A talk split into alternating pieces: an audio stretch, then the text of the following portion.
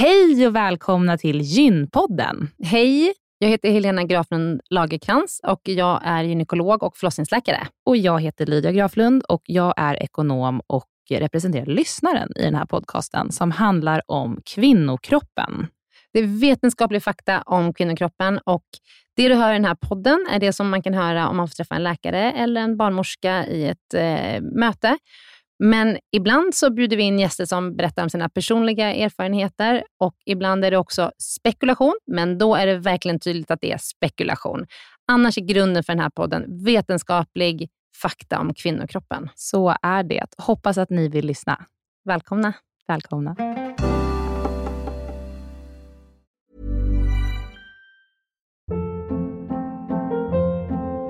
Hold up. What was that? Boring. No flavor. That was as bad as those leftovers you ate all week. Kiki Palmer here, and it's time to say hello to something fresh and guilt-free. Hello Fresh. Jazz up dinner with pecan-crusted chicken or garlic butter shrimp scampi. Now that's music to my mouth. Hello Fresh. Let's get this dinner party started. Discover all the delicious possibilities at hellofresh.com. Den här veckans avsnitt av Gynpodden är sponsrad av Ester Care. Och Helena, det är ju det bolaget, vårdbolaget, som du och jag har varit med och startat, där vi erbjuder digitala vårdmöten med specialister inom kvinnovård. Precis.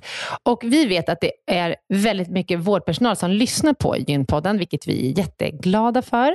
Och vi behöver alltid fler gynekologer till STKR. Så därför vill vi nu göra en shout-out till alla er som lyssnar där ute som vill vara med och förändra svensk kvinnovård. Vi söker specialister inom gynekologi, men också ST-läkare som har kommit en bit in i sin ST och som vill arbeta digitalt eh, med handledning på, hos oss på STKR. Mm. Och precis som det är för våra patienter som kan söka vård hos oss, det vill säga att de kan bo vart som helst i landet eftersom vi är digitala. Om man laddar ner appen och så bokar man ett vårdmöte, så kan ju även läkaren bo vart som helst i landet eller flytta under tiden man jobbar hos oss. Det är ju väldigt, väldigt flexibelt eftersom eh, man jobbar hemifrån. Och Jag tänker att det måste ju också vara helt underbart att som läkare kunna arbeta hemifrån och planera sin egen tid några dagar i veckan. Ja, verkligen. Och samtidigt vara med och förändra kvinnovården med kollegor som är otroligt drivna och engagerade. Det är jätteroligt att jobba på SDKR. Och jag tycker att det här är en häftig grej som vi gör just nu, att vi erbjuder gyn, äh, gynvård i hela landet. Och vilka är de vanligaste patientmötena du tar, Helena? Ja, men det är ju klimakteriet, eh, PMS, eh, mensbesvär. Och det är ju såklart Eh, ärenden och eh, diagnoser som går att hantera digitalt. Men vi remitterar också vidare när det behövs mm. Eh, och tar labbprover när det behövs mm. och så vidare. Mm. Så gå in på sdcare.com, klicka på jobba hos oss i menyn för att läsa mer och skicka in en ansökan. Tack så mycket. Tack och välkomna. Jag tror att många känner som jag just nu en stor sorg för vad som händer i Ukraina Eh, att man känner att man vill på något sätt kunna hjälpa till, men kanske inte vet exakt hur. Ett tips från oss på Gynpodden är att bidra till flyktingarna som lämnar Ukraina just nu, vilket man kan göra via UNHCR, som är FNs flyktingorgan. Eh, krisen drabbar både barn och familjer och liv och säkerhet är i fara och UNHCR är på plats. Så man kan bidra med eh, olika typer av summor som, som kommer att hjälpa människorna som är på flykt just nu. Ett exempel är 370 kronor räcker till ett akut nödpaket som räddar eh, livet på människor som eh, är i en akut situation idag. Och eh, om man bidrar till UNHCR så eh, dubblas din gåva av Akelius Foundation. Så gå in på unhcr.se eh, och eh, bidra helt enkelt. Tack! Hej och välkomna till Gympodden. Hej! Hej! Lydia, hur mår du då? Jag mår jättebra. Hur mår du? Jättebra. Mm. Vi ska prata om ett viktigt eh, och ganska besvärligt ämne idag. Mm. Svamp i underlivet. Mm. Det är så många tjejer som har problem med det. Ja. Gud. Så fort man börjar prata om det så skulle jag säga att det finns inte en enda tjej som oftast inte säger att ja, det har jag problem med och Ja. många gånger återkommande. Ja. Varför är det så här? Katrin, nej, vi ska komma in på det strax. Men vi kan börja med att introducera henne. Ja, vi, eh, men vi har ju en liten eh, annan twist inför det här poddavsnittet. För vi får ju väldigt mycket frågor på vårt Instagram som heter Gynpodden. Eh, Där kan ni gå in och följa oss och så kan man ju diskutera och fråga och kommentera oss och Mm. våran podd där. Man kan få styra innehållet lite, vilket har hänt ja. idag. Ja, för vi Ja. får ju väldigt mycket frågor om svamp där. Och då har vi faktiskt gjort så att vi har tagit med alla de frågorna till dagens gäst som heter Katrin Alvendal. Välkommen. Tack så mycket. Katrin, du och jag är kollegor. Stämmer. Stämmer. Du är Ja. överläkare på Danderyds sjukhus på kvinnokliniken. Och du arbetar ganska mycket på vulvateamet där, eller hur? Ja, Med, stor, Precis. med storvulvan. Med storvulvan. Mm. Nina Nina- Bomstark. Ja, som var här för några veckor Ja. sedan. Ja. Eh, och Sen har du skrivit din doktorsavhandling om just eh, candida, som Mm, är svamp stämmer. i underlivet. Kan inte du bara Precis. berätta kort om din forskning? Ja, då har vi tittat på eh, immunförsvaret i slemhinnan. Och vi funderar lite grann på om det inte är så att det är faktorer i slemhinnan som faktiskt är en av orsakerna till varför man får de här återkommande svampinfektionerna. Så Okej. Mm. Det har jag tittat på. Ja. Mm. Så att det är eh, faktorer i slemhinnan som gör att en viss person blir drabbad eller att man blir drabbad under en viss del av livet. Ja, det kan ju egentligen vara både och. Mm. Men framförallt så är det nog så att det är olika från person till person. Mm. Där Okej. fick du annars till det, Helena. Mm. Eller? Nej. Nej. Okej. Ja. Eh, vi kommer ju också prata lite kort om bakteriell vaginos och vad det är och hur man behandlar det. Och, eh, om Lichen. Li, precis, lichen sclerosus. Som Så- inte jag vet vad det är. Nej, men Men nu sätter vi igång med dagens avsnitt. Yes. Ja, kör vi.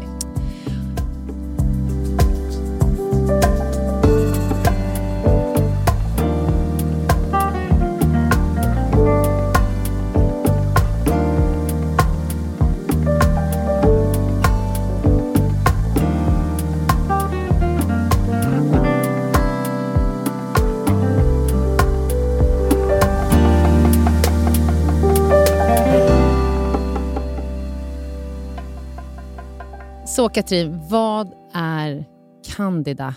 Vad får man för symptom? Eh, när man får svampinfektion så får man ju framförallt klåda. Det är ju det, de, det är de liksom huvudsymptomet som folk söker för. Klådan Sen- från helvetet. Ja, precis. Och sen så mycket sveda. Ja. Ja, och sen eh, kan vi få ont vid samlag förstås. Och det blir en inflammation i vävnaden som är eh, jättejobbig. Mm. Jag Mm. upplever ofta att man får, att man får liksom svampinfektion och sen får man också urinvägsinfektion samtidigt. Det är liksom en härlig kombination. Det, är liksom, det gör ont överallt då. Är det så? Men det finns ingen koppling till det, Det va? tror jag inte egentligen att det är någon direkt koppling. Nej, okej. Nej, Det är utan bara då du, har man nog mest otur. Fan, Ja. så jävla mycket. Ja. ja. Okej, men vad, så sv- sveda och kraftig klåda under Mm. livet. Man kan känna sig svullen och få Mm. rikliga flytningar. Absolut. Ja. Mm. Framförallt när man inte har haft svamp så himla mycket så har man ju ofta de här gryniga, kraftiga flytningarna. Och vad händer när man har haft svamp mycket? Ja, om man har De som är upprepade, gamla i blir de, de som har upprepade svampinfektioner, då är det som att svamp, svampinfektionen gör inte att man har så mycket, snarare, alltså man har snarare torra slemhinnor då. Mm. Så då har man inte så mycket flytning längre, utan då blir det torrt och det blir ofta sprickor och lite, r- eller ja, framförallt rodnat på utsidan. Ehm, Mm. och, eh, beror det på eh, alltså att man har upprepad behandling eller beror det på själva Nej, det är mer liksom förloppet, hur, hur det ter sig. Att Mm. Om man har upprepade infektioner så blir det en annan klinisk bild helt enkelt. Men Men- har man fortfarande en svampinfektion då? För att Ja. den trivs väl när det är eh, fuktigt? Eller? Svamp, Nej, när det kanske är andra svampar ett- jag ah, tänker på. Då, Det de i där är ju ett vanligt missförstånd. Ja, för Det är många kvinnor som tänker precis så där som du säger nu. Ja. Och Det är ju precis tvärtom. Att om det är torrt så eh, får, verkar det som att svampen får mer fäste Mm. och man får mer bekymmer. Då tycker jag att det är toppen. Mm, Vi ska ta precis. död på väldigt många myter här ikväll, Mm. för det är faktiskt en av de frågorna som vi har fått in. Eh, bli, får man svamp av att gå i blöta bikinitrosor? Svar nej då. Nej, det tror jag inte. Nej. Nej. Men kan vi prata om varför man får svamp? Mm. Ja, och det vet vi väl egentligen inte. Ehm, det finns liksom inte en faktor som är en förklaring till varför man får svamp. Vi vet vad som är riskfaktorer och det är ju att man har till exempel en pågående antibiotikabehandling, om man är gravid eller ehm, om man har någon, någon form av nedsättning av immunförsvaret. Bland annat mm. diabetespatienter har lite ökad risk för svamp. Det är egentligen de kända riskfaktorer, men de allra flesta som får svamp har ju inte någonting av det här, utan det är ju mm. mer eh, ja, antagligen multifaktoriellt. Mm. Mm. Jag har fått höra att, eh, att, det, att kosten också kan påverka om man äter socker. Mm, det är ju en väldigt vanlig eh, föreställning ja. och det finns inga vetenskapliga bevis för att det faktiskt är så. Nej. Man har tittat på det ganska mycket i studier och man har inte kunnat se att eh, sockerhalten i vagina blir högre för att man äter socker. Eh, så så att, eh, rent medicinskt så finns det inget som gör att vi kan rekommendera någon kolhydratfattig kost. Och Jag har även fått höra en till. Bara, jag bara säga, det där var myt nummer två. Ja, mm. Och myt nummer tre, eventuellt, då, är att man får eh, lättare svamp om man har eh, en eh, spiral. Ja, det kan faktiskt stämma. Inte mynt alltså. Mm. Både hormonspiral och kopparspiral. Man har sett att svampen kan liksom bilda något som kallas för biofilm på spiralerna. och Då kan det vara så att man lättare, liksom att, eller snarare att man har svårare att bli av med svampen när man väl har fått en svampinfektion. Så på det sättet så kan det kanske öka risken för att man får upprepade svampinfektioner. Mm. Mm. Okej. Borde mm. man ta ut den då? Eh, inte som första, i första ledet tycker jag, utan först ska man behandla sina svamp, sin svampinfektion. Och Är det så att man får återkommande svampinfektion så kanske man behöver en långtidsbehandling. Och Är det så att man ändå får tillbaka sin svamp trots att man står på långtidsbehandling och har spiral, då kan det vara en idé att testa utan spiralen mm. och behandla igen och se om det kommer bli bättre då. Men Katrin, finns det någonting man kan göra själv för att förhindra att få en svampinfektion? Ja, det mm. man kan tänka på själv det är att man inte ska tvätta sig så mm. mycket i underlivet. Man ska inte använda tvål i underlivet, för det torkar ut slemhinnorna. Och torra slemhinnor, som vi alldeles nyss var inne på, eh, är mer mottagliga för svampinfektion. Mm. mm. Så att det är väl egentligen det man kan göra. Annars har vi inte så mycket liksom, råd som egentligen håller rent vetenskapligt. Nej. Men om vi tänker ovetenskapligt, får jag bara fråga. Ja. Eh, när, du, när du träffar dina patienter, mm. liksom, du som träffar så många sådana här mm. patienter, är det någonting de säger som de säger, så här, det här tyckte vi funkade, fast det mm. finns liksom inga studier eller bevis mm. för det? Är det någonting så som du... Jag har haft någon enstaka patient som tycker att det här med kolhydrat kolhydratfattig kost mm. fungerar för henne. Men eh, annars så är det nog inget speciellt som, jag, som sticker som, ut. Som sticker ut. Nej. nej. Så mm. det är mm. klart att som patient, om man har provat allt eh, och det är det som återstår, det är klart mm. att det är värt att testa. Men, ja. men eh, med, det sagt inte, eller med det är inte sagt att det kommer att fungera för den enskilda personen. Nej. Nej. Och jag tänkte bara där om man inte ska tvätta sig med tvål, ska man tvätta sig med olja, alltså typ ja. barnolja? Vi pratat om. Jag känner mig så jävla fnittrig. Varför då? när du ska sluta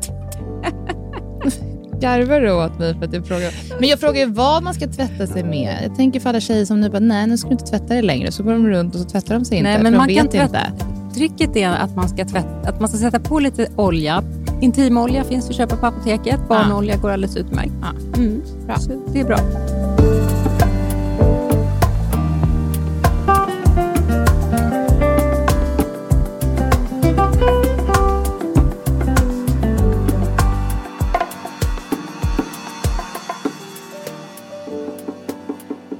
Finns det något typiskt förlopp för en candidainfektion? Eh, nej, men det är väl just det här med klåda, flytningar och sen kan det ju bli så att det klingar av med tid. Mm. Eh, absolut. Men mm. med det sagt så tycker jag ändå att man ska behandla eh, en svampinfektion när man har en. Mm. För att, eh, det finns ju de som tänker att de inte ska behandla utan att det faktiskt går över av sig själv. Men det kommer vi säkert in på sen. Men mm. svamp kan ju faktiskt leda till andra bekymmer på sikt som Exakt. inte är så bra. Mm. Så att, eh, man ska behandla den när man har den. Ja, men det är bra. Och kan vi snälla komma in på behandlingen? Nu kommer vi in på behandling. Mm. Ja. Mm. Vad finns det? Det finns lokalbehandling och så finns det tablettbehandling. Och när man bara har en akut svampinfektion någon enstaka gång, då fungerar ofta de här lokalbehandlingarna som finns att köpa på apoteket alldeles utmärkt. Är det någon skillnad mellan de två som finns, Canesten och Pevaryl? Tycker du att det är någon som funkar bättre? Um, de är bra båda två, effektiva mm. mot svampen. Mm. Däremot så finns det ett medel i Pevarylen som ibland kan orsaka lite sveda och irritation i sig. Okay. Så att är man känslig i slemhinnorna så skulle jag nog ändå för, eh, ja, rekommendera att man börjar med Canesten. Ja, mm. Okay. Är de mm. olika starka? Eller? Nej, Nej, det är de inte. Mm. Det är bara olika. Om man använder både en sån här vaginal tablett, en vagitorer, mm. vagitor, mm. och eh, salva, eller kräm. Ja. Mm. Mm. Okej, okay. så att om man får klåda och den här flytningen och man tycker det är besvärligt, gå till apoteket och köp receptfria läkemedel. Men när bör man söka en gynekolog? Jag tycker man ska söka om man har haft mer än två sådana episoder på ett halvår. Mm. För att eh, om man har mer än tre till fyra infektioner på ett år, då har man ju det som vi kallar för återkommande svamp. Mm. Och Då behöver man oftast en annan typ av behandling än de här enstaka behandlingarna. Och Vad får man då? Då får man de här tabletterna som heter Fluconazol. Och då får man först en lite mer intensiv behandling och sen så sätter man in då en eh, förebyggande behandling så att man tar en tablett i veckan under några månader för att förebygga mm. att det kommer tillbaka. Mm.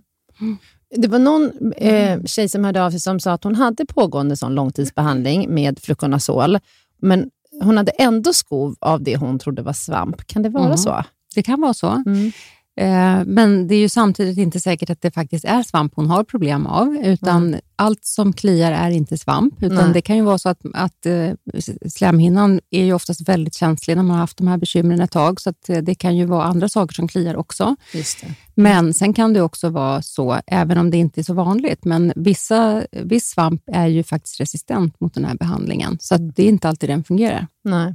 Så då, då tar gynekologen oftast en odling på svampen ja, och tittar. Det tycker jag att mm. gynekologen ska göra innan man sätter in den här lokalbehandlingen, mm. eller mm. långtidsbehandlingen. För det är våra rekommendationer, att man ska inte sätta in långtidsbehandling innan man vet att det verkligen är svamp och man vill helst veta vilken svamp det är dessutom. Just det. Och om den är resistent, är det någonting annat som biter då? Ja, det finns ja. andra behandlingar ja. också. Det gör det. Mm. Mm.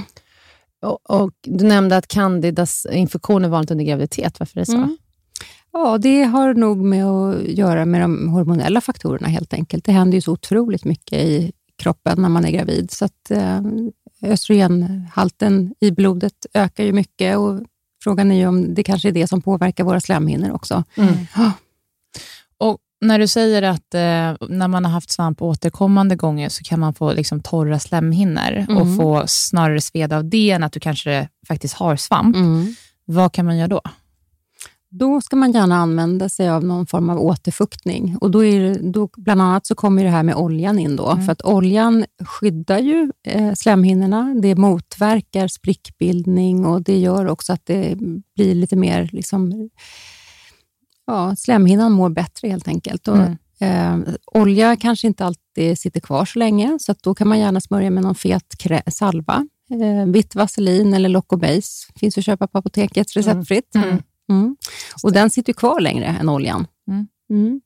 Så först olja och sen eh, eh Locobas till exempel. Ja, efter det. Mm. Smörja sig kanske två, tre gånger om dagen. Mm. Mm. Många upplever ju också att svampen kanske kommer mot slutet av menscykeln, innan mensen kommer. Ja, det är det, det vanligaste och det är väldigt tydligt. Och Det är ju också på grund av, att, av de hormonella faktorerna som vi har under cykeln. Mm. Mm. mm. Ja, för det har jag faktiskt hört, mm. att eh, vissa kvinnor upplever att de får alltså, svamp nästan alltså, en gång i månaden mm. och just vid den tiden. I Slemhinnan blir skörare under slutet av menscykeln, för det har ju med progesteronet att göra som är högre då. Ja. Och sen så gillar inte svampen mens, då brukar de försvinna. Ja, det verkar så. Ja. Mm. Men om man har det liksom återkommande problemet nästan månatligen, mm. vad gör man då? Då ska man söka en gynekolog. Ja. Då behöver man behandling. Mm. Mm. För det ska man inte behöva ha. Nej. Nej. Mm. Men om då svampen är östrogen, eller gillar höga halter av östrogen, hur är det med candida efter klimakteriet? Candida brukar egentligen inte komma hos postmenopausala kvinnor på samma sätt, utan det är ju de som står på östrogenbehandling som får svamp. Men Mm. annars så brukar det inte vara så vanligt. Nej. Mm. Och innan puberteten inte heller? Då, Nej, eller? precis. Nej. Inte hos unga flickor. Nej. Ehm, och hur ser det ut med partnerbehandling? Ja, det där är ju diskuterat och tittat på faktiskt i ganska många olika vändor och det är ingenting som rekommenderas. Eh, Vad det har ingen det? effekt. Så att man, Att partner skulle- också behandlar sig? Mm. men svamp. smittar svamp? Nej, Nej. det gör ju inte det. Inte på det sättet i alla fall. Nej. Eh, om eh, mannen eller partnern har svamp som liksom verifieras, då Mm. är det klart att man kan eller ska behandla den. Mm. Men om partnern inte har några symptom på svamp, då behöver man inte partnerbehandla. Det är lika vanligt med män? Nej, det är inte alls lika vanligt. Nej. Nej. Och så är det ju viktigt att tänka på också att 20 procent av alla kvinnor har ju svamp som en normalflora i Mm. underlivet. Mm. Och det är inte 20 procent som går omkring och har eh, akuta besvär av svamp hela tiden, utan det här är ju så att det är, det är en del av vår eh, normalflora. Mm. Och har man svamp men inte har några symptom, då ska man inte behandla den. Men, nej, precis. Och man ska aldrig behandla den om man, hit, om man inte har något symptom. Inte under graviditet heller, eller hur? Nej. Utan man kan låta den vara. Alltså, Mm. Inte om man inte har några symptom, nej. Nej. Nej. Nej. Men när börjar det liksom bli att det kan leda till andra problem om du har återkommande svampproblem fast du behandlar det blir inte bra. Mm. Jag blev ju lite så här efter att vi hade lyssnat på, eller vi spelat in avsnittet om när sex gör ont Mm. med storvulvan. Mm. Eh, då sa ju hon att svamp är liksom inkörsporten Mm, mm, eh, för problem i underlivet. Mm. Ja, man, kan ju, man har ju sett att ungefär hälften av de som faktiskt har sån här vulvodyni, som eh, ni pratade om då, Mm. de har faktiskt en historia av upprepade svampinfektioner bakom sig. Mm. Så att det är ju en... Ett Det- jättestort problem. Ja. Men hur orolig ska man vara då? För det är ju så många tjejer som har problem med Mm, återkommande mm. svamp. Orolig ska man inte vara, men man ska ta det på allvar tänker jag och söka hjälp, så Ja. att man får den hjälpen som man kan få. Ja. Eh, och Sen är det ju eh, viktigt även här att lyssna på kroppen. Och Mm. Har man en pågående inflammation i vävnaden, så att det gör ont att eh, cykla eller att det gör ont att ha samlag, då ska man undvika det under den perioden. Mm. Då ska man liksom vänta, för att smärta föder smärta, brukar vi ju säga. Så Mm. att man, ska inte, eh, man ska inte ha sex om man har en pågående akut svampinfektion. Det är inget bra. Då leder det till den här spänningen i Mm. bäckenbotten kan som sen göra kan leda på sikt till... i alla fall. Ja. Mm. Mm, på sikt. Framförallt är det, har man ju sett att det ökar smärtkänsligheten i slemhinnan. Så det är ju slemhinnan som är inflammerad när vi har vår svamp, när, när svampen är där. Liksom. Mm. Och då är det någonting som händer i slemhinnan. Så man har till och med kunnat se att den här slemhinnan får fler och eh, kraftigare nerver som sen kan signalera smärta på sikt. Just det. Mm.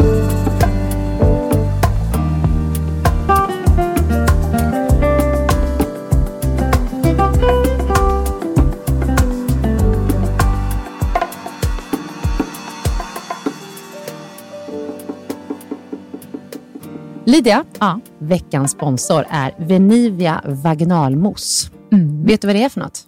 Det vet jag. Ja, faktiskt. berätta. Ja, men jag har ju sett eh, reklamen Ja, som går. En jättefin film Ja. eh, där, eh, ja, där man porträtterar kvinnor som har problem med bakteriell vaginos. Just det. Och Det var ju en bra introduktion där, men vi har en ännu bättre person som kan introducera den här mo- vaginalmoussen för oss. Ja, Kristina Östberg Lloyd, VD för Farmiva som äger varumärket Vernivia vaginalmousse. Välkommen hit. Välkommen. Tack.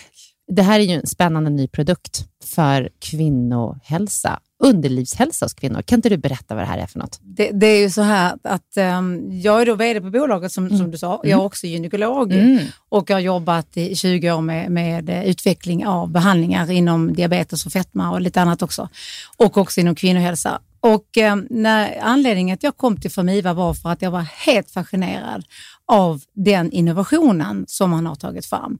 Och det är då en vaginalmousse som heter Vanivia som ni sa, som innehåller egentligen väldigt för, för vagina naturligt förekommande eh, ämne som eh, mjölksyra, men även väteperoxid i små mängder. Därför det är så att det är en frisk vagina och det är hela innovationens idé. Vi utgår från hur fungerar en frisk vagina? Mm. Hur ser en frisk vagina till att hålla sig frisk? Mm. Och se till att balansen blir på rätt håll, det vill säga övervägande eh, försvarsbakterier som heter laktobaciller, alltså mjölksyraproducerande eh, bakterier. Och då tänkte man så här, ja men då gör vi någonting som eh, liknar en frisk vagina med syftet att kunna bota vanliga infektioner i vaginan.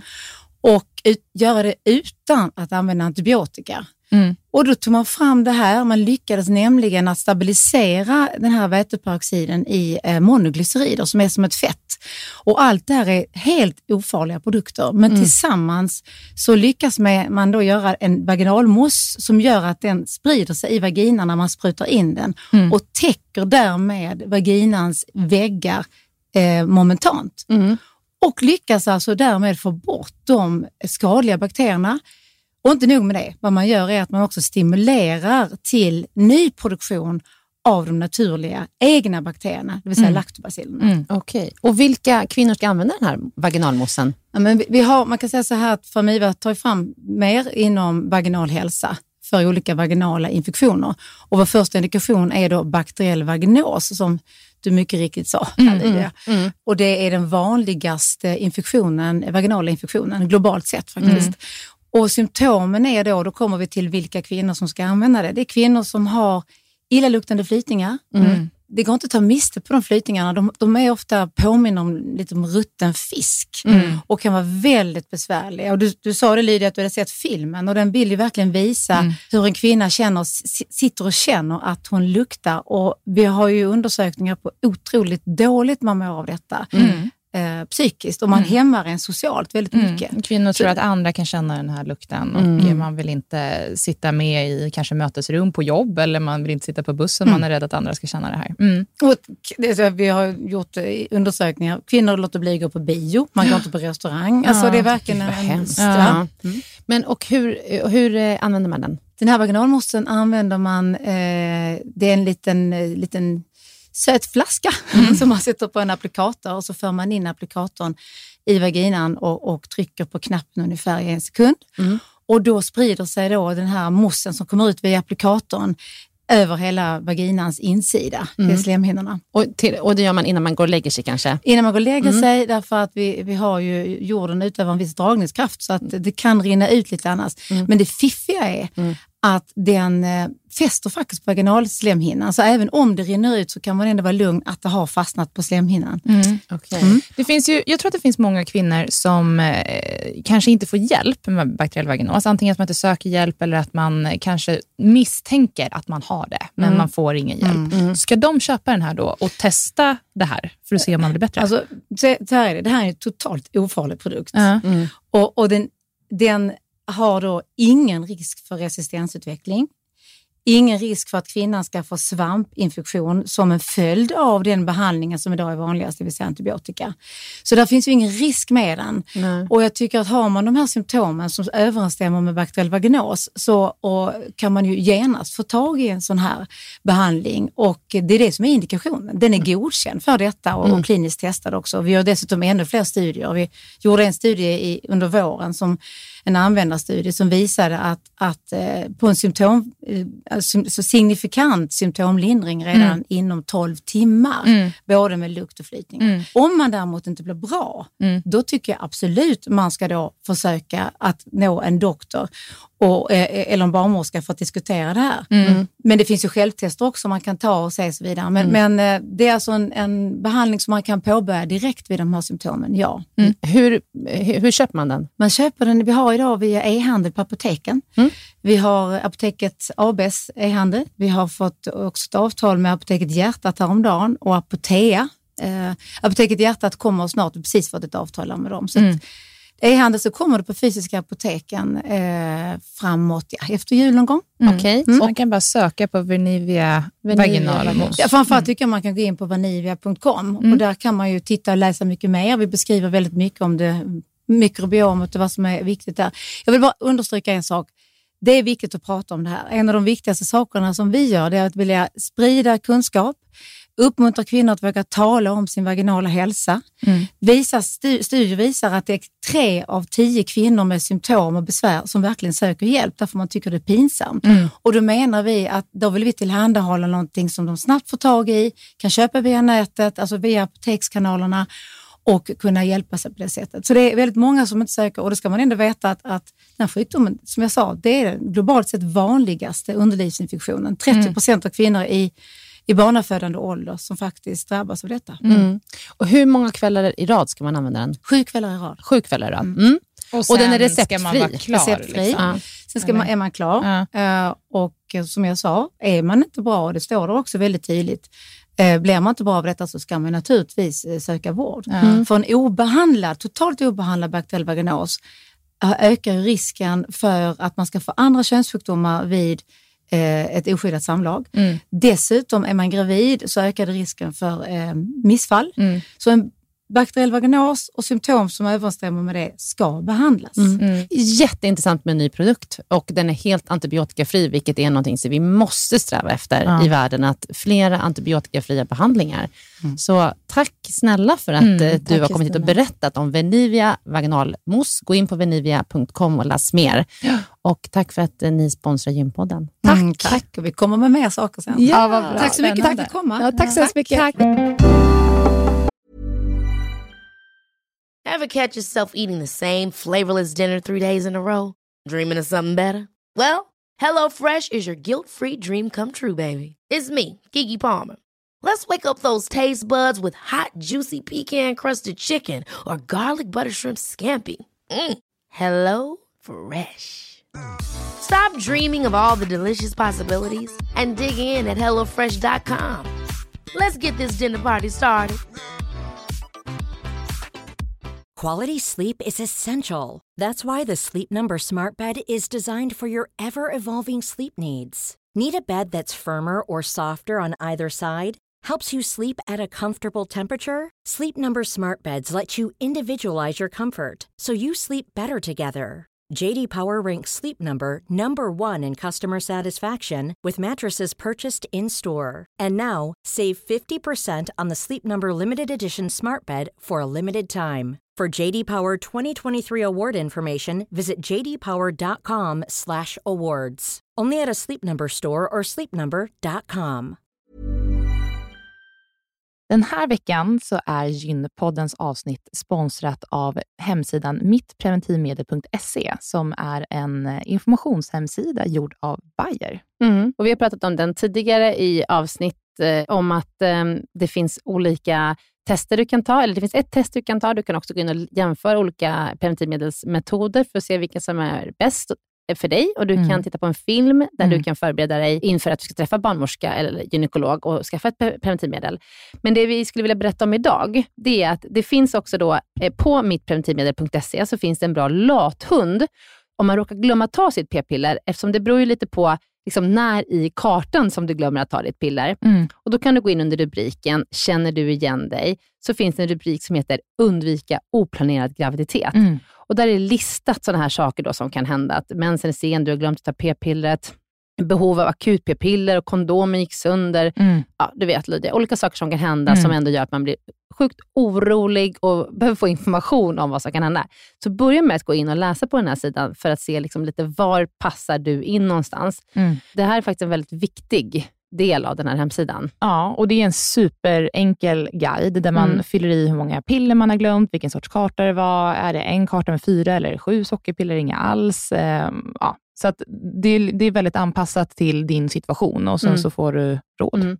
Och Ibland kan det vara att man bara, bara behöver ta igen det här pillret som man har missat och ibland behöver man kanske komplettera och ha kondom i en vecka liksom, eller så under en viss tid. Så att, eh, ja, men den är informativ och bra. Så gå in och kolla på mittpreventivmedel.se och sen klicka vidare till den här lathunden då, som man hittar under rubriken Känner du igen dig? Mm. Jättebra sida. Tack Eh, Bayer. Tack Bayer. Jag undrar lite, och jag vet inte om vi ska komma in på det nu, men vad är skillnaden mellan svamp och bakteriell vaginos? Vad, hur liksom upplevs symptomen? Och, Ja, det är ju egentligen ganska stor skillnad, för att eh, svampen kliar ju oftast väldigt mycket. Bakteriell vaginos har inte alls lika uttalad klåda, utan där är det mer eh, rikliga flytningar Mm. och att man eh, kan känna en väldigt speciell lukt. Mhm. Eh, Det är och då ni gör snifftestet, Just Yes. det, precis. som du har berättat om. Ja. Mm. Mm. Ja. Mm. Jag kan passa på att säga Mm. angående bakteriell vaginos och svamp, men, det som är, det, men det är ändå inte helt ovanligt faktiskt att man har både och samtidigt. Mhm. Så därför så kan det vara ändå bra att kolla för både och. Mm. Om man har rikliga flytningar och ibland kan det vara då så att man tycker att det luktar lite illa ehm, och då eh, kollar man för både och förstås. Vad, vad är bakteriell vaginos då? Det är en slags rubbning i eh, den normala bakteriefloran. Det är en viss typ av bakterier som har tagit över eh, och då innebär det att man har färre såna laktobaciller som ju är egentligen ett slags skydd för, vår, för slemhinnan. Så det är ingen eh, smittsam sjukdom vad vi vet. Eh, däremot så vet man att risken ökar faktiskt lite om man har många sexpartners eller om man har samlag ofta. Mm. Så någonting är det ju som händer i slemhinnan och i den här floran som finns där. V- vad är samlag ofta? Vad är liksom definitionen av det? Ja, det finns nog ingen riktig definition Nej. av det. Det är, det är ju väldigt individuellt förstås. Ja. Mm. Mm. Mm. Men det jag tänkte jag skulle fråga om, kan du se att det är någon särskild tid i livet som flera kvinnor har mer besvär med svamp? För jag, jag Mm. kommer ihåg på läkarprogrammet när vi läste om det här, det var Inger Porma Sundström tror jag, som föreläste då i Uppsala, som har varit här och poddat med oss också. Mm. Hon sa att eh, liksom, eh, ett, tu, tre så kan det bara komma i livet att det kommer in perioder, man kommer in i perioder man har jättejobbigt med svamp och vi vet, liksom, som du säger, inte exakt varför. Mm. Men finns det någon särskild åldersgrupp där det är vanligare? Är det liksom i 20-årsåldern eller är det... Jag skulle säga mellan 20 upp till kanske 35 är väl den Mm. vanligaste åldern. Mm. Sen är det på något vis som att det, det händer någonting och sen så blir det oftast bättre med åren. Mm. Mm. Mhm. Intressant. Mm. Mm. För man har ju lik... ja, Har man någon teori om varför det är så? Varför det är ålders... Ja. eh, Ja. Alltså att det har någonting med, har, tänker hormonellt, om det har just med åldern att göra? Nej, alltså det finns ju väldigt mycket olika teorier, men Mm. ingenting som vi, som vi liksom har kunnat se. Nej. Eh, det man har diskuterat är ju om det kan ha någon betydelse för hur man praktiserar sex, till exempel om man har oralsex. Eh, hur ofta man har sex. Sådana faktorer spelar kanske roll, men man har inte heller där kunnat liksom säga att det verkligen är så. Mm. Men, eh, och sen så, ja, till exempel kanske man har mer urinvägsinfektioner om man har mer sex och då äter man mer antibiotika. Det är ju väldigt klassisk ingång i det här, att man får sina första svampinfektioner på grund av att man tar antibiotika eftersom man har en urinvägsinfektion. Mm. Mm. Så det är ofta så det börjar. Mm. Just det.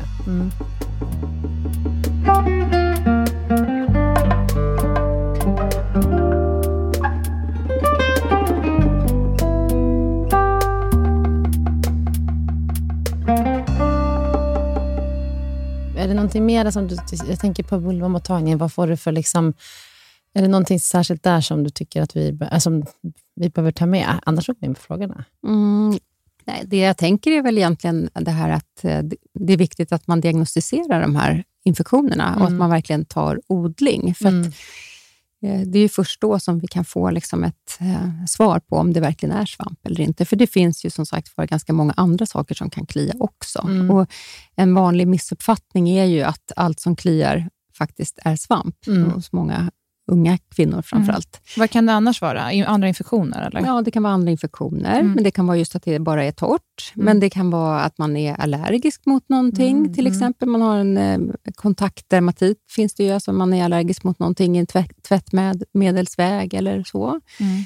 Eh, och Det finns ju andra hudsjukdomar eh, som vi också kanske skulle komma in på sen. Då, men som också, alltså man kan ha eksem, man kan ha psoriasis, man kan ha lichen i eh, underlivet. Så Mm. det finns massa andra saker det kan vara.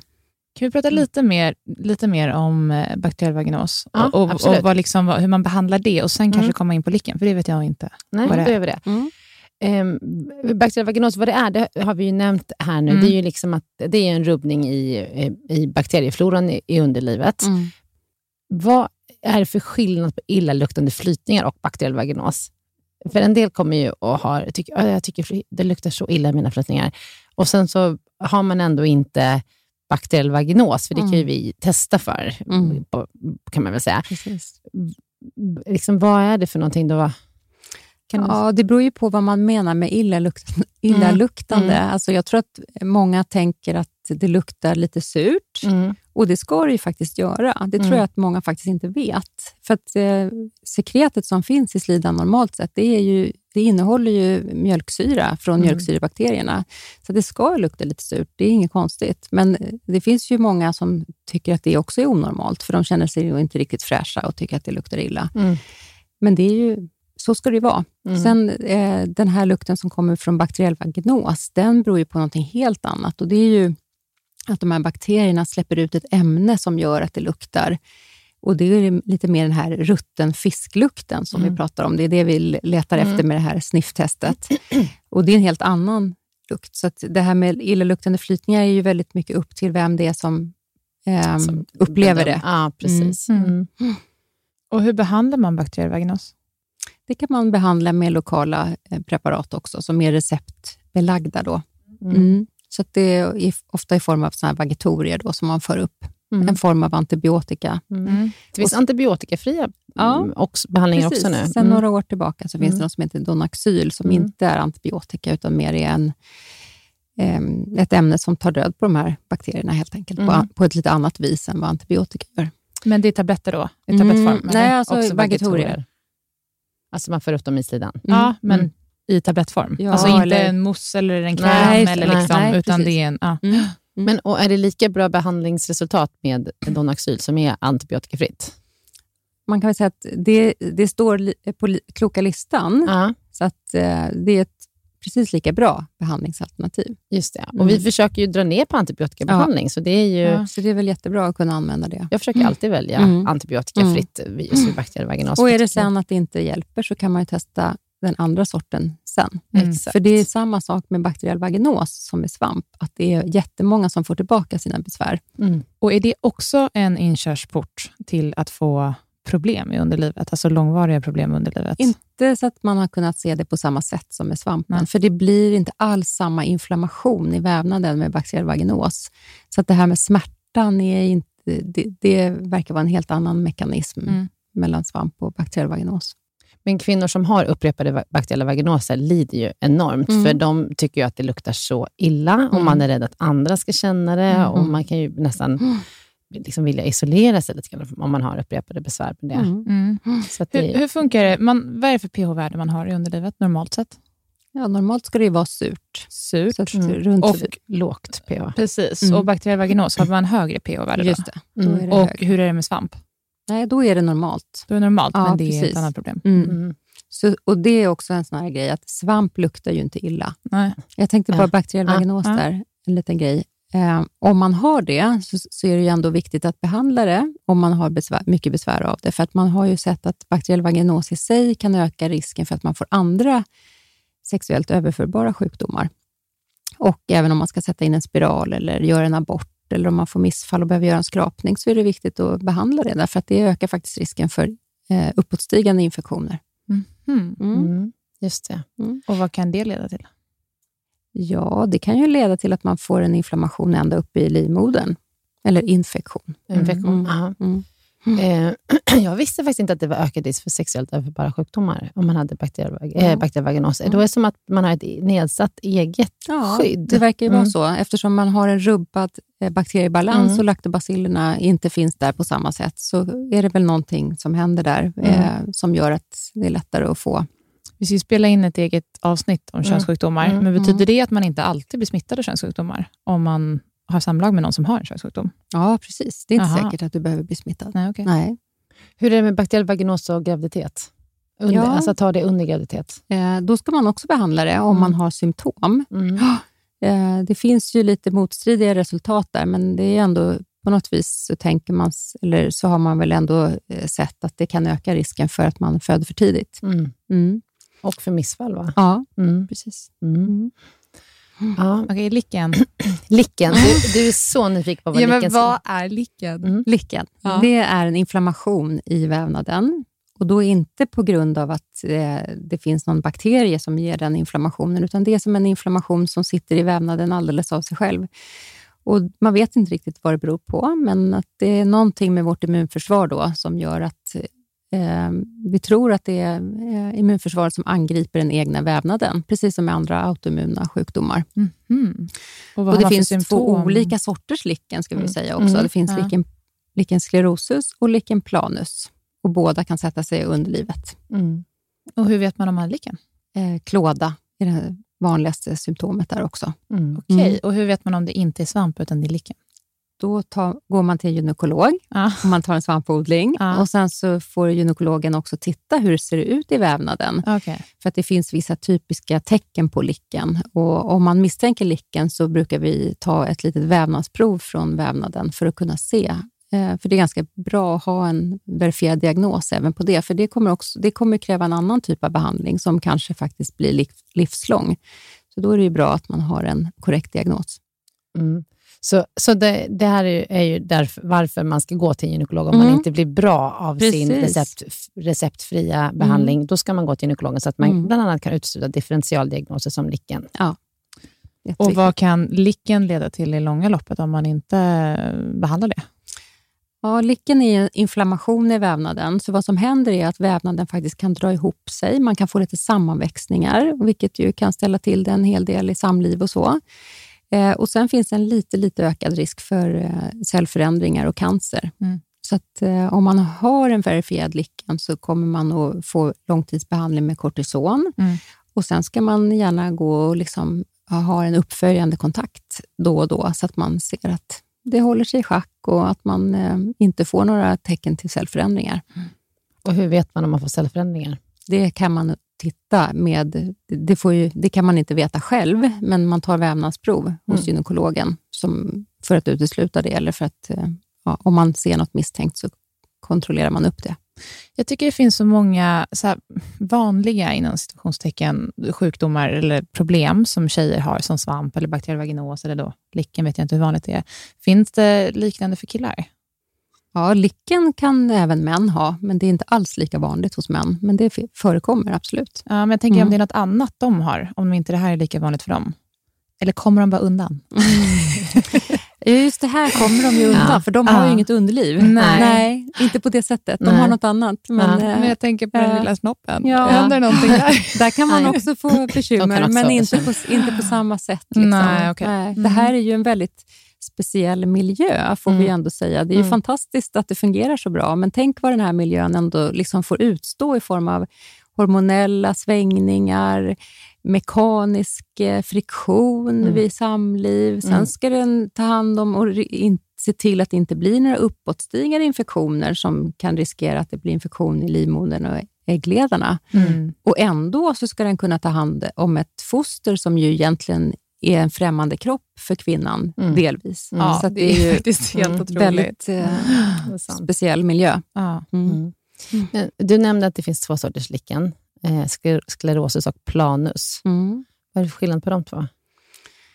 Ja, lichen planus har lite grann en annat utseende. De har ungefär samma symptom, skulle jag säga. Men Mm. lichen planus kan sätta sig mer upp i själva slidan och ge en annan bild. När vi undersöker så är den mer... eh, Ja, den kan ofta vara ganska ilsket rodnad. Ehm, Kliar och, den? eh, Det kan också klia. Mm. Oh ja. Mm. Mm. Vi fick in en fråga om lichen. Eh, Mm. Antagligen en relativt ung kvinna som har lichen sklerosus. Och hon undrade om finns det någon kon- kontraindikation till att föda vaginalt om man har lichen sklerosus? Nej, egentligen inte. Nej. Nej. Och man kan ju behandla med kortison även under graviditet. Mm. Så har man man så ska man behandla. Mm. Mm. Så man får behandla ända fram tills man blir gravid och sen så får man diskutera med sin gynekolog och så Mm. kanske man ibland går ner till en lite svagare kan- sort eventuellt. Ja, om man, precis. Mm. Men man ska ha behandling, man ska Mm. inte gå runt med besvär.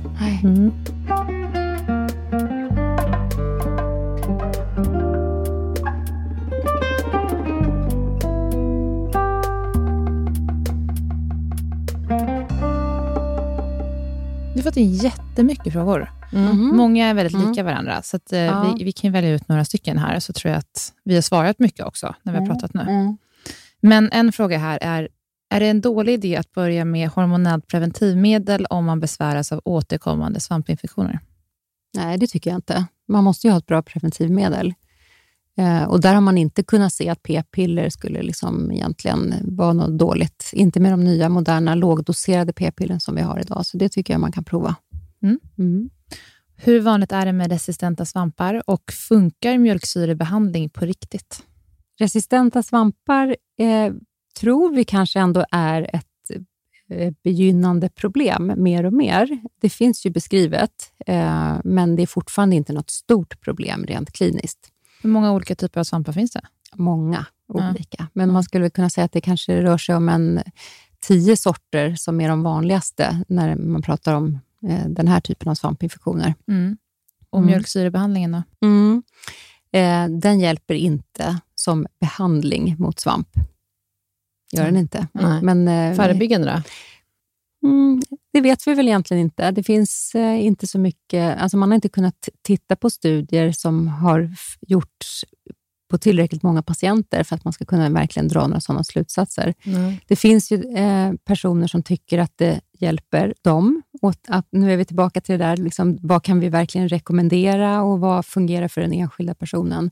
Men eh, i så fall, så, åtminstone rent teoretiskt, så eh, borde det vara rimligare att det fungerar med såna här eh, piller som man i så fall för upp som faktiskt tillför mjölksyrebakterierna. För själva mjölksyran, den eh, rinner ju bara ut igen sen. Den är ju bara där en jättekort stund. Men det är ju i så fall fler eh, mjölksyrebakterier som kan eh, skydda mot eh, svamp, som borde fungera bättre. Mm. Men inte heller där finns det liksom egentligen eh, tillräckliga bevis för att vi kan eh, rekommendera det. Varför får jag ofta svamp efter penetrationssex? En fråga här. Mm. Det kan ju ha att göra med att man har en känslig slemhinna och att den är lite skör. Och när det blir friktion mot en skör slemhinna så blir det torrt och då är det lätt att svampen får fäste om man har lätt att få sina svampinfektioner. Mm. Det här är en tjej som skriver, jag får det mer eller mindre varannan månad. Jag har bra kosttränar, vad beror det på? Mm. Är som vi har pratat om här, vi vet ju inte riktigt vad det beror Nej. på för just henne. Nej. Men om hon har så många svampinfektioner så ska hon ju ha långtidsbehandling. Mm. Mm. Och en annan tjej här, är det bra att vänta ut infektionen och undvika behandling för ofta? Nej, det tycker inte jag. För då är ju risken, som vi pratade om förut, att eh, man får andra bekymmer.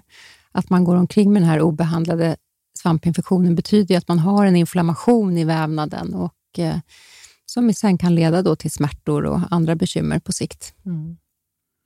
Sen är det en tjej som frågar här, kan det vara så att den medicinen man fått på recept inte hjälper? Ja, Ja. eftersom det finns resistent svamp så kan det vara så. Ja. Mm. Och så är det en tjej som skriver här, en gång för alla, luktar svamp? Nej, svamp luktar inte. Då är det något annat. Ja, då är det något annat. Ja. Ja. ja, en fråga här då, som vi också tangerat lite på. Men hur ska underlivet lukta och hur ska det inte lukta? Det är svårt. Mm, det är svårt. Men vi var ju inne på det här med laktobacillerna och att det produceras mjölksyra. Så att det ska vara lite surt. Mm. Det är en sur miljö och mjölksyra kan, man kan... Många upplever att det luktar lite surt och det är det som är normalt. För att det är ju sättet eh, slemhinnan har för att skydda sig mot andra infektioner. Så, att, och det, så ska det vara. Mm. Men luktar det rutten fisk, då kan man ju fundera på om Ja. någonting annat. Då kan det vara Mm. bakteriell vaginos, Mm. men inte svamp. Nej, Nej. just det. Mm. Ja, de andra var, de har vi redan svarat på faktiskt. Mm. Ja. Gud, vilket bra avsnitt. Mm, det är ju som du säger, det här är ju så vanligt. Det är Mm. ju det. Och, eh, Och många som kommer till oss på vulvamottagningen eh, har ju varit hos många olika doktorer och provat väldigt mycket Ja. innan de kommer. Så det är ju många som tyvärr känner sig lite missförstådda och eh, att de inte upplever att de har blivit hjälpta mm. på vägen. Så det är ju, och just det här när- det är återkommande eh, så får man tänka lite, tror jag, som eh, patient, att det här är ingenting som man bara blir av med efter första kuren, utan Mm. det är stor risk att man får dem tillbaka. Och Mm. Det gäller att liksom förhålla sig lite till det också. Mm. Det är kämpigt, men så är det. Du, det här- det är en fråga här som vi inte faktiskt svarat på. Hur behandlar man svamp under graviditet? Mm. Då ska man ju inte använda fluconazol, Nej. utan då är det de här lokala behandlingarna som gäller. Mm.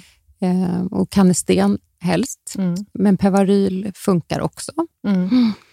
Fluconazol är visat att det kan ge, leda till missfall och ovanliga hjärtmissbildningar i tidig graviditet. Så det ska man inte använda i tidig graviditet. Någon enstaka dos möjligen under senare graviditeten då, kan man tänka sig om man har jättebesvärligt. Men, Mm. mm. Okej. Och det, är ju, det är ju lite jobbigt att tänka att vi inte har något mer att erbjuda under graviditet, med tanke på att det ofta är besvärlig Exakt. graviditet. Men Ja. å andra sidan så är ju graviditeten en Mm. begränsad tid, så Mm. man får väl tänka också Mm. att Mm. man får behandla och, och stå ut. Ja, och det är inte säkert att man får eh, jättemycket besvär under graviditeten Nej. bara för att man har haft det tidigare. Det vet man ju inte. Nej, Det kan är man inte sant. veta innan. Mm. Mm. Ja, men åh, tack så hemskt mycket. Mm. Det här är Ja. så det är så stort problem för så många kvinnor. Ja, det är så härligt att få det prata med dig som kan så mycket. Men du, vad kommer, vad kommer nytt på svamphimlen himlen framöver? Ja. vad har vi liksom inom forskningen? För du, Ja. det kommer lite nya behandlingsmetoder kanske? Ja, vi hoppas ju det. Ja. Eh, Det pågår faktiskt två stycken studier internationellt där man tittar på ny eh, behandling mot svamp. Mm. Eh, Och vi ska starta en ny behandlingsstudie hos oss på Danderyds sjukhus ganska snart, där vi ska titta på en, en ny typ av behandling kan man säga. För Mm. vi vill ju försöka komma bort från de här, anti, liksom, en del av de här svampmedicinerna som sagt var, eh, verkar ju ändå driva någon form av resistensutveckling. Så att, eh, för att hitta, an, det behövs fler alternativ. Mm. Mm. Vill du berätta vad det är för nya behandlingsmetoder? Ja, vi tänker oss ju att vi ska kunna använda eh, medel som bryter ner svampen istället för att eh, de här svampmedicinerna som finns nu, de eh, jobbar lite grann på samma sätt som antibiotika, det vill säga de förhindrar att ny svamp kan byggas upp. Mm. Men eh, vi behöver andra metoder som kanske helt enkelt spränger sönder svampcellerna. Mm. Eh, och det är en annan verkningsmekanism kan man säga. Mm. Mm. Spännande. Ja. Mm. Mm. Men det återstår att se. Det är ett tag kvar. Ja. Mm. Men samarbetar hela liksom, eh, gynekologer över hela världen med att ta fram nya behandlingsmetoder mot svamp? Nej, det pågår ju på lite olika håll i världen. Men eh, det är inte något eh, internationellt samarbete som jag känner till i alla fall. Nej, men jag, Mm. jag tänker så här, att det, att det finns ett, ändå ett in, liksom intresse att eh, försöka hitta nya behandlingsmetoder. Ja, för oss som håller på med det här så Ja. finns det ett sånt intresse. Men man kan väl ändå säga så här att totalt sett så är, har det ju här varit oerhört nedprioriterat. Mm. Eh, Så att eh, det har ju inte kommit så mycket. Jag menar, fluconazol har ju funnits hur länge som helst. Mm. Och det, så det har ju inte kommit några nya behandlingsmetoder på jättelänge. Är det lika vanligt med eh, svampproblem världen över? Eller kan man koppla det Eh. någonting till miljö eller leverne på något sätt som skiljer sig Det är åt? nog ganska liksom, jämnt fördelat skulle jag säga. Mm. Mm. Och det är ju en av de vanligaste anledningarna till att kvinnor söker gynekolog. Så det här konsumerar ju oerhörda mängder med sjukvård eh, worldwide. Eh, så att, eh, ja, som ni säger, det är ju otroligt vanligt Mm. och eh, ett stort bekymmer för många. Men det är ju det. Det är ju Mm. hemskt när Mm. man får en Mm. eh, svampinfektion. Mm. Mm. Det är liksom kanske inte något farligt, det låter inte så mycket, men det är ju, det är ju, det är ju jättejobbigt. Ja. Mm. Och en del kommer ju till och med och söker mitt i natten på gynakuten för att de inte kan sova, för att Mm. det står inte ut. Nej. Så så illa är det ju Mm. för en del. Mm. Verkligen. Tusen Mm. tack för att ni jobbar med det här. Ja, ja, tack och Katrin. tusen tack för att du jag fick och komma. med oss. Tack, Trevligt. Tusen tack. Hej.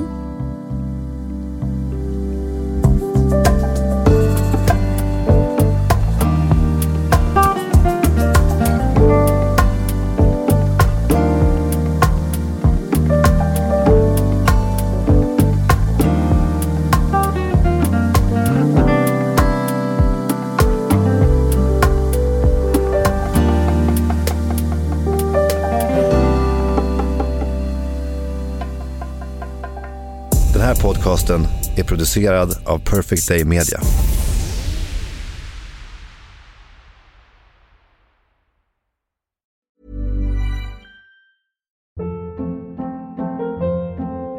Hold up. What was that? Boring. No flavor. That was as bad as those leftovers you ate all week. Kiki Palmer here, and it's time to say hello to something fresh and guilt-free. Hello Fresh. Jazz up dinner with pecan-crusted chicken or garlic butter shrimp scampi. Now that's music to my mouth. Hello Fresh. Let's get this dinner party started. Discover all the delicious possibilities at hellofresh.com.